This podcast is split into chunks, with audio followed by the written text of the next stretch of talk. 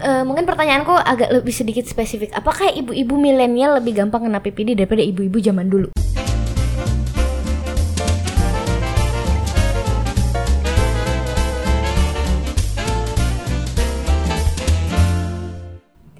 Hai Mams, kembali lagi di Mams Talk Podcast dari Mama untuk Mama. Yeay!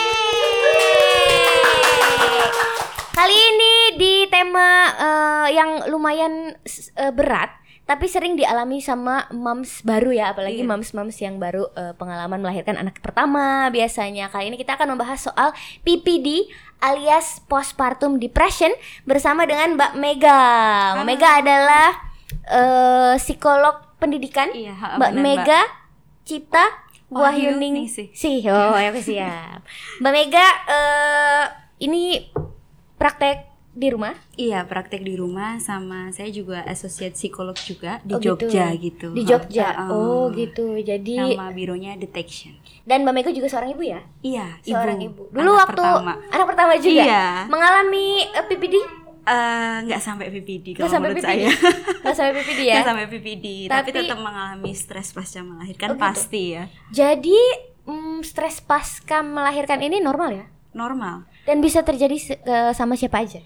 Semua ibu pasti bisa mengalami yang namanya stres pasca melahirkan. Oke. Cuma eh, tingkatannya beda-beda dari masing-masing ibu, tergantung dari si ibu itu.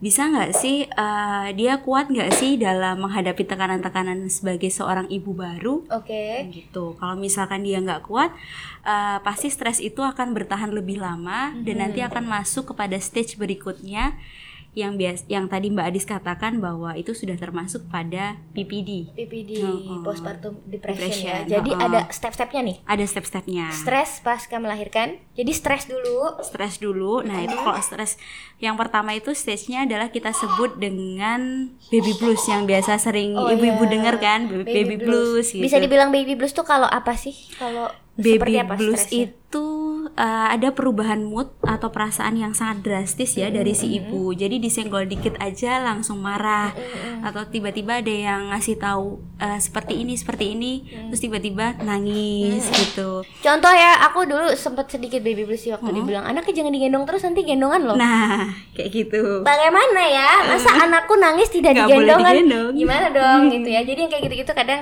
eh, bisa memicu ya, Mbak ya? Memicu. mm-mm. Memicu adanya baby blues. Dari orang-orang dan sekitar. rasa sensitif itu juga termasuk j- eh, salah satu gejala dari baby blues. Mm-mm. Ada gejala lain mungkin selain sensitif?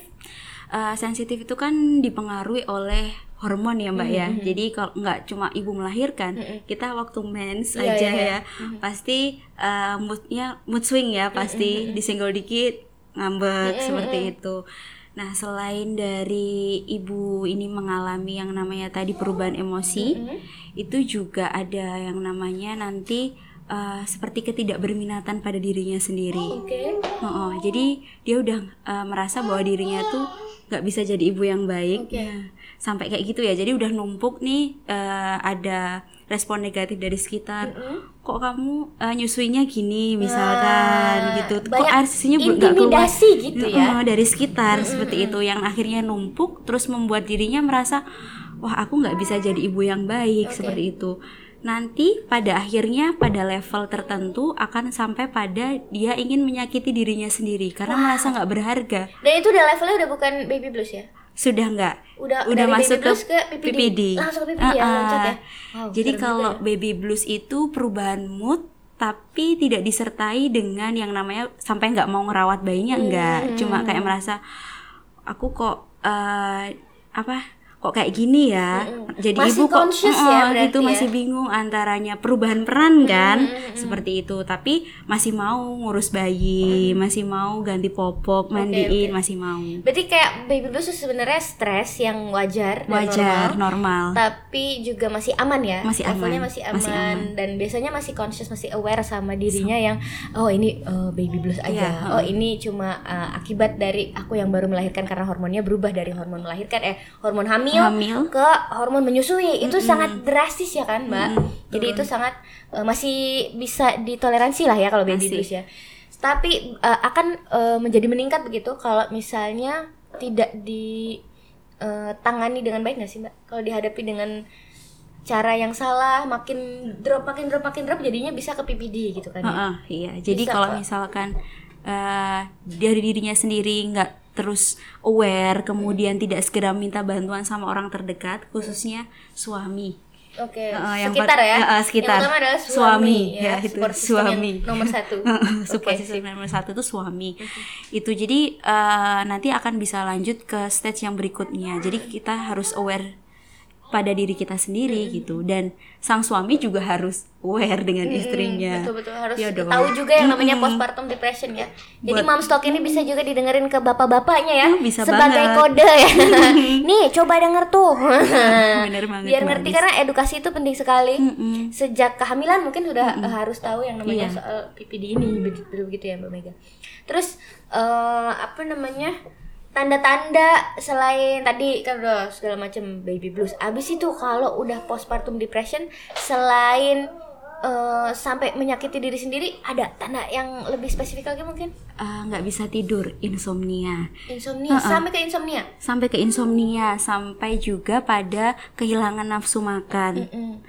Itu jadi nggak mau makan kemudian susah tidur tapi bisa juga malah tidurnya berlebihan jadi tidur terus terus ak- terus dia juga merasa dirinya lelah udah mulai nggak konsentrasi udah mulai kehilangan kesadaran Betul betul. kayak gitu udah sampai seperti itu jadi ciri-ciri PPD dan depresi pada umumnya itu sama cuman subjek yang mengalaminya yang beda, Beda. Dan eh. hormonnya beda juga kali ya. Ah, ah, beda juga hormonnya. Hormonnya kan eh, dari hamil dan sampai melahirkan itu kan terjadi penurunan kan. Mm, benar-benar. Nah, itu jadi menyebabkan si si moms ini juga mudah lelah, terkuras energinya untuk ngurus anak seperti itu. Terus tadi juga Mbak Mega sempat ngobrol sama aku tadi off air ya. Kita sempat ngobrol soal ada jangka waktu tertentu yang bisa dibilang baby blues itu kalau berapa lama, kalau udah lewat dari itu berarti udah PPD gitu Iya, ya. Levelnya udah naik ya. Kalau baby blues itu rentangnya 3 sampai 10 hari. 3 jadi sampai 10 hari itu masih bisa dibilang baby blues. Mm-mm, jadi biasanya kita pulang dari rumah sakit tuh udah mulai di rumah, nah udah mulai ngurus-ngurus sendiri. Udah mulai begadang tuh ya biasanya. Seperti itu itu udah mulai muncul nih rasa-rasa stres, kemudian rasa-rasa capek, terus nanti juga ngefek ke biasanya asinya nggak keluar Oh, iya kayak semakin gitu. stres semakin asinya keluar makin stres lagi Makin dan begitu terus ya Begitu terus jadi ada eh, kayak lingkaran gitu. Nah, terus jadi anaknya juga jadi rewel, Oke. tambah stres. Nah, itu masih umum untuk rentang waktu range-nya 3 sampai 10 hari. 3 sampai 10 hari kalau udah di atas itu harus Ah. lebih aware lagi udah harus lebih Lebih waspada lagi kalau ya. sudah eh, minimal dua minggu, kemudian ada gejala-gejala tambahan yang seperti nggak doyan makan, kemudian sudah mulai hilang konsentrasi. Nah itu orang-orang di sekitar harus harus sudah mulai aware, oh apakah ini sudah perlu ditangani oleh yang tenaga Ah, ah, tenaga ahlinya ya. ahlinya seperti itu. gitu jadi eh, berarti itu kan cara eh, menghadapinya nih Mm-mm. itu kalau udah kejadian sampai ke PPD nih ya sampai misalnya tadinya di baby blues eh, kalau baby blues masih aman masih bisa di apa ya kalau kayak gitu menurut aku nih cara yang bisa eh, meredam baby blues itu adalah kita harus aware juga kan. Kita kita harus tahu juga sih kalau si anak ini baru aja datang ke dunia dan dia juga pasti stres banget. Karena dia ada di tempat yang baru gitu. Jadi Iya. kita kita harus lebih pengertian gak sih? Mm-mm. dengan ada dengan kesadaran kita ten- eh, tentang itu lebih eh, apa lebih aware lagi sebenarnya kayaknya bakalan lebih tenang sih. Mungkin ya mungkin ada beberapa yang bisa tenang mungkin ada beberapa yang belum bisa eh, lebih tenang terus sampai akhirnya misalnya ke postpartum depression terus apa yang bisa dilakukan sama si ibu yang kalau misalnya dia ternyata wah ternyata aku udah sampai ke level PPD nih apa yang bisa dia lakukan Eh, biasanya kalau sudah pada level PPD dia juga sudah hilang eh, apa namanya Kesadaran. kesadaran juga ya. Gitu ya? Mm-mm. Jadi sampai dia menyakiti dirinya sendiri itu eh, dia tidak sadar bahwa dia melakukan seperti itu. oh gitu Heeh. Taunya dia eh, hanya merasa bahwa yang dia lakukan adalah wujud untuk mengorbankan bahwa eh, wujud pengorbanan bahwa dia tidak bisa menjadi ibu yang baik seperti gitu. itu. Mungkin awarenya adalah bisa dilakukan pencegahan sebelum eh, Sampai ke PPD. eh, PPD dan juga ketika hamil mungkin sudah cari referensi begitu informasi-informasi kalau pasca melahirkan itu biasanya uh, masalah-masalahnya apa sih Gitu. begitu. Tindakan apa aja sih bisa mencegah nih Mbak? Mencegah jangan sampai eh, PPD. Gitu. yang pertama uh, adalah bangun komunikasi yang baik dengan suami. Oh gitu ya. Jadi Heeh. semua harus di diceritain aja diceritain ya, jangan aja sendiri Heeh, gitu ya. berarti. apa pun itu uh, kesulitan apa pun yang kita alami coba sharingkan dengan suami gitu Oke, oke. karena itu penting banget gitu meskipun LDM ya katakanlah karena saya pernah punya uh, klien Klien. uh, uh, LDM gitu kan sekarang komunikasi tidak hanya tatap muka kan sekarang sudah canggih juga. Bisalah kita manfaatkan dengan video call Iya, benar-benar. begitu begitu. jadi memang support system terutama dari suami itu sangatlah penting gitu. Kemudian bisa juga dengan ikut eh, komunitas-komunitas ibu Hmm, Oke. Eh, ibu hamil ataupun juga ibu yang sudah Oh melahirkan semacam support group ya. Heeh, support, group. kan sekarang ada sama-sama. ya Apalagi yang satu level. Kalau dulu aku punya grup Mm-mm. di ada satu aplikasi namanya What to Expect itu eh, aplikasi luar sebenarnya. Cuma ada udah ibu-ibu dari mancanegara yang di situ ada grup yang spesifik waktu itu November Babies. Hmm. Karena anak aku di HPL-nya adalah November waktu itu November Babies grupnya dan kita satu level kan mengalami hal yang di stage yang Mm-hmm. Sama. sama gitu anak baru lahir segala macam dan semua kelu- keluhan-keluhan tuh bisa sharing di situ gitu. Dan itu lumayan membantu sih bener juga kata Mbak Mega ya, kalau Mbak, ya, kalau ya? bisa sharing bersama dengan teman-teman yang satu level itu sangat membantu dan sangat melegakan. iya lebih meringankan Jadi Mam ya Firma mungkin mulai cari-cari referensi ada grup yang sama nggak sih nih gitu ya. Terus ada lagi? Ada lagi, pencegahan. eh, Mbak sambil diminum. Ini juga harus dimakan katanya tadi biar nggak kayak properti ini bisa dimakan loh gitu. oh gitu bisa dimakan ya kirain plastik ya. Oh ya benar ternyata kentang beneran ya. Boleh diminum Mbak iya Ah, sambil cerita-cerita lagi soal eh, PPD tadi tindakan pencegahannya. Tadi kita ngobrol sampai ke eh, support group Wah, Iya, support group Support setelah itu apalagi tindakan pencegahannya Uh, bisa? bisa juga dengan kita latihan relaksasi. Hmm. Jadi uh, kan kita mau melahirkan biasanya juga harus latihan pernafasan ya. Betul. Uh, uh, biar walaupun saya nggak lahirnya normal ya. Iya, iya, iya. tapi yang tetap latihan dulu latihan pasti. dulu kan tetap usaha dulu jadi uh, latihan pernafasan nah itu bisa sambil kita juga latihan relaksasi lebih menenangkan diri oke betul betul jadi uh, coba berpikir untuk positif ya hilangkan pikiran-pikiran negatif. Kemudian udahlah omongan-omongan orang-orang di sekitar itu kita coba untuk saring mulai dari sekarang iya iya gitu betul betul. Seperti itu. Berarti me- menimbulkan kesadaran benar ya tadi ya berarti menimbulkan kesadaran soal ya eh, kita yang tahu kita mau ngapain ke anak kita, kita yang mendidik anak kita seperti apa. Jadi omongan-omongan orang diambil yang enaknya aja, yang jelek-jeleknya nggak usah didengerin Bener. gitu ya. Harus ada rakyat. Tapi kadang itu sih yang susah ya. Susah itu yang sebenarnya. susah di filter tuh sebenarnya itu omongan orang adalah eh, dan omongan orang dan omongan netizen adalah eh, sumber kadang-kadang ya menjadi pemicu yang paling utama bahkan. Terus eh itu bisa nggak sih depresi pasca melahirkan atau PPD tadi itu eh, bisa nggak sih bikin kita jadi susunya nggak keluar gitu? Ngaruh nggak sih apa menyusui jadi makin sakit gara-gara PPD itu bisa berpengaruh nggak sih? Uh, ngaruh sekali Mbak Ngaruh Adis banget ya? ngaruh ya. Karena kan uh, Mbak Adis kan juga baby satu ya. Pasti kalau kitanya stres kemudian kitanya lagi nggak happy kira-kira menyusui juga jadi nggak enak. Kemudian ngefek ke uh, baby juga kan betul, jadi rewel nangis rewel karena susunya kurang ya. kurang kayak gitu. Jadi memang kondisi psikologis ibu ini sangat-sangat eh, lekat dengan kondisi anak juga gitu. betul betul. Terus eh, si ibu kan misalnya eh, si ibu ini tinggal dengan support system di se- di sekitarnya. Terus eh, pastinya support systemnya juga harus eh, aware kan soal kapan si ibu harus dibawa ke apa namanya ke psikolog atau psikiater Eh, kapan waktunya harus tepat. eh, dibawa ke psikolog Iya. atau psikiater. Jadi ketika support system sudah melihat bahwa ada tanda-tanda nih eh, seperti baby blues, tapi rentang waktunya sudah nggak wajar, maksudnya sudah lebih dari sebulan kok ini kok si ibu ini masih melakukan hal-hal yang nggak wajar gitu. Misalkan masih sering nangis berlebihan di kamar mandi, padahal kan bayi satu bulan itu harusnya eh, kita harusnya satu bulan sudah bisa belajar ya sebagai seorang ibu ya. Iya, udah- Normalnya udah mulai kebiasa lah terbiasa ya. dengan eh, Adanya bayi Ha-ha, satu bulan satu itu udah bulan. mulai rutinitasnya seperti apa? Oh jam segini dia minum, gini jam segini mandi, terus biasanya udelnya juga udah mulai puput ya, jadi udah mulai mandiin ya.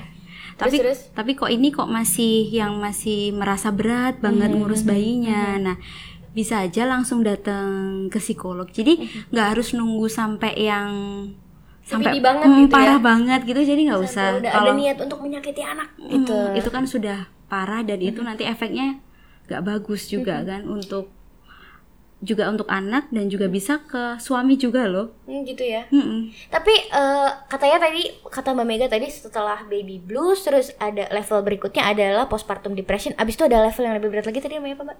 Psikosis. level Psikosis itu apa lagi tuh? itu sudah level terberat jadi eh, range waktunya sudah tahunan sudah bisa bertahun-tahun ya?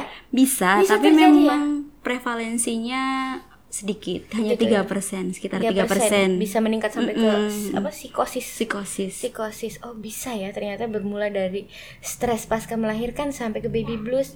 Habis itu PPD terus ke psikosis. Wow, jadi moms jangan eh, dipikir berat juga sebenarnya si baby blues dan stres pasca melahirkan ini tapi juga jangan menyepelein juga ya karena itu bisa berdampak panjang dan sampai ke mana-mana. Terus aku mau nanya lagi, selain itu kan ya udah, kalau misalnya kita udah tahu kalau kita kena PPD nih, oh ini ya oke PPD, atau orang sekitar udah tahu kalau kita kena PPD, terus dibawa ke psikiater bisa eh, akhirnya teratasi. Kalau eh, pertanyaanku berikutnya adalah mungkin nggak sih PPD ini dialami sama eh, bapaknya, PPD dialami sama, sama, bapaknya, sama si suami? Ah, belum sejauh ini belum ada kasus yang Oke. seperti itu ya Oke. cuman kalau stres-stres biasa pasti ada Hmm. Eh, Cuma momennya di pasca melahirkan. Mm-mm, pasca melahirkan. Jadi karena stres yang dialami oleh suami Mhm. pasca istri melahirkan, Semacam trauma mungkin lebih tepatnya ya, ya sih? T- trauma dan juga karena perubahan peran juga ya. Oh, gitu. Mungkin dia stres karena kadang ada yang istrinya memang atipikal yang agak kalau saya katakan rewel bukan rewel ya, tapi karena memang butuh perhatian Iya, lebih ya. oke, tapi oke. mungkin si bapak belum Tidak bisa memahami gitu loh. Belum bisa menghadapi si istri dengan kondisi yang seperti itu gitu kondisi ya. yang seperti itu kemudian eh, harus mengurus bayi bersama-sama Hmm, juga kayak gitu. Jadi timbul rasa padahal si bapak juga bekerja Hmm, misalkan yang bekerja yang setiap hari dari jam sekian sampai jam sekian seperti itu jadi itu juga bisa muncul Mungkin namanya bukan postpartum depression Iya. karena salah satu salah satu eh, faktor penyebab PPD ini juga adalah hormon hormon yang cuma dimiliki sama ibu yang pasca melahirkan gitu ya.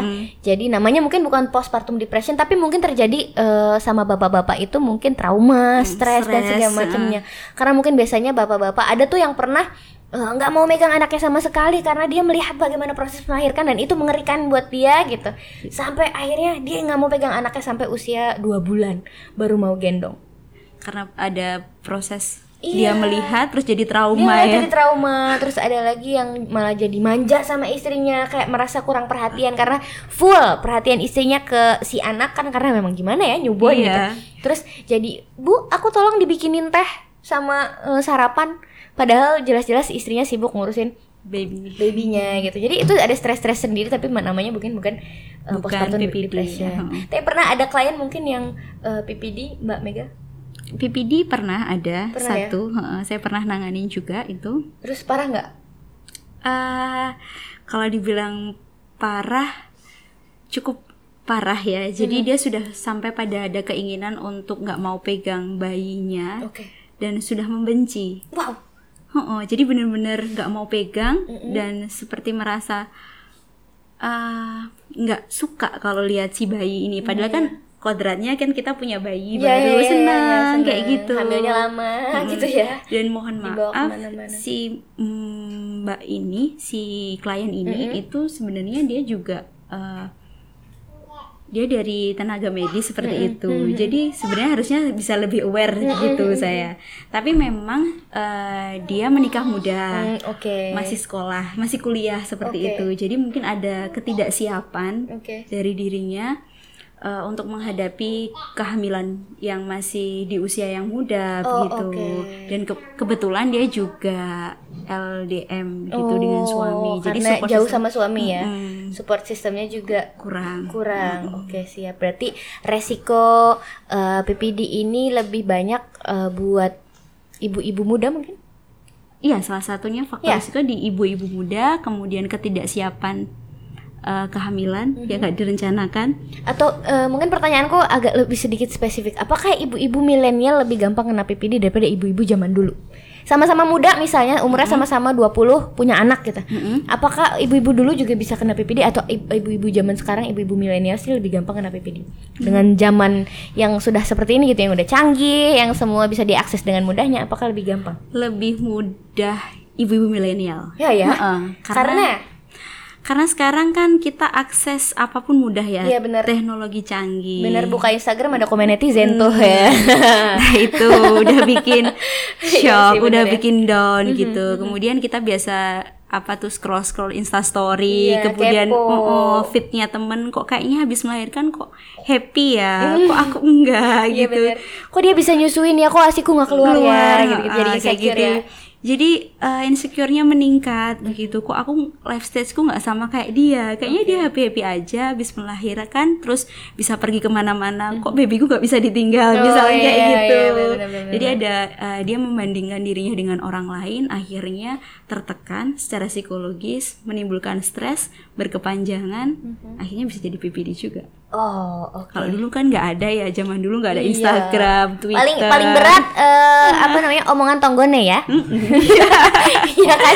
Itu udah, itu udah masalah terberat ibu-ibu zaman dulu. Cuma kan ibu-ibu zaman dulu kayak eh, nggak pe- nggak boleh keluar Iya. biasanya. Habis melahirkan harus berapa lama dulu di rumah. 40 Ternyata ada hari bener gitu. ada baiknya juga Iya. ya. Kita jadi nggak terlalu tahu dunia luar dan jadi nggak dengar omongan tonggone. gitu kira-kira ya. Mungkin ada yang mau nanya di sini bapak-bapak yang ingin akan segera menghadapi eh, istri-istri yang melahirkan mungkin? Tidak ada? Kalau gitu aku mau makan kentangnya dulu karena dari tadi belum bisa dimakan ya. Mbak Mega ada tambahan mungkin untuk moms di rumah supaya eh, lebih aware soal PPD dan mungkin kita eh, mengkampanyekan ini bersama-sama moms ya untuk lebih mengedukasi eh, kalau PPD itu real Mm-mm, dan ada. dekat sekali dengan kita, dan PPD bisa terjadi sama siapa aja tenaga medis sekalipun psikolog sekalipun bisa, kena Bisa. PPD ya dan makanya itu dia kenapa kita harus tahu apa itu namanya yang namanya PPD, PPD. bagaimana cara mencegah dan mengatasinya gitu dan kita juga jangan sampai malu untuk eh, bertanya alias ngobrol bareng sama tenaga eh, Iya, ahli ahlinya, eh, seperti psikiater atau psikolog begitu terus apa lagi ya Eh, itu aja kira-kira kayaknya ya mbak Mega Eh, mungkin pesannya kalau dari saya lebih kepada eh, untuk moms-moms yang masih muda ya. Mhm. Jadi ibu baru yang nanti mau eh, melahirkan anak pertama, eh, banyak-banyaklah cari informasi. Betul. begitu ya terkait kelahiran, pasca melahirkan itu seperti apa Mhm. gitu. Cari eh, dua informasi. Jadi yang positif-positif tapi juga faktor risikonya seperti apa. Betul. Jadi ketika nanti menghadapi yang sesuatu yang nggak sesuai dengan ekspektasi kita, kita sudah bisa ada bentengnya seperti Iya, itu. sip, sip, sip. Hmm. Dan belajar relaksasi karena itu yang aku dapat dari eh, banyak banget dari dokter, dari psikolog, psikolog mana pun pasti bilang kalau eh, untuk menghadapi masalah apa pun kita harus bisa tenang. Dan itu susah banget loh, Bro. Gila, Bro. Susah banget. Dan itu dia pentingnya untuk belajar bernafas. Wah, bagaimanapun tekniknya bisa dipelajari nanti, bisa bikin eh, semakin tenang. Dan satu lagi, seperti yang lagi viral kemarin sempat viral soal eh, ketidaksiapan hamil yang akhirnya bisa berdampak sama anak gitu ya sama anak dan keluarga yang lain jadi moms kalau bisa nih kalau bisa kehamilannya dipikirkan dengan baik bagaimana dengan mengedukasi diri dengan eh, cari tahu tentang segala macam termasuk tentang postpartum depression terima kasih moms sampai jumpa di moms talk berikutnya ayo kita makan kentang ya Mama Mega Boleh Ya. mbak. Yo, gimik gimik. yo yo. Wah, kok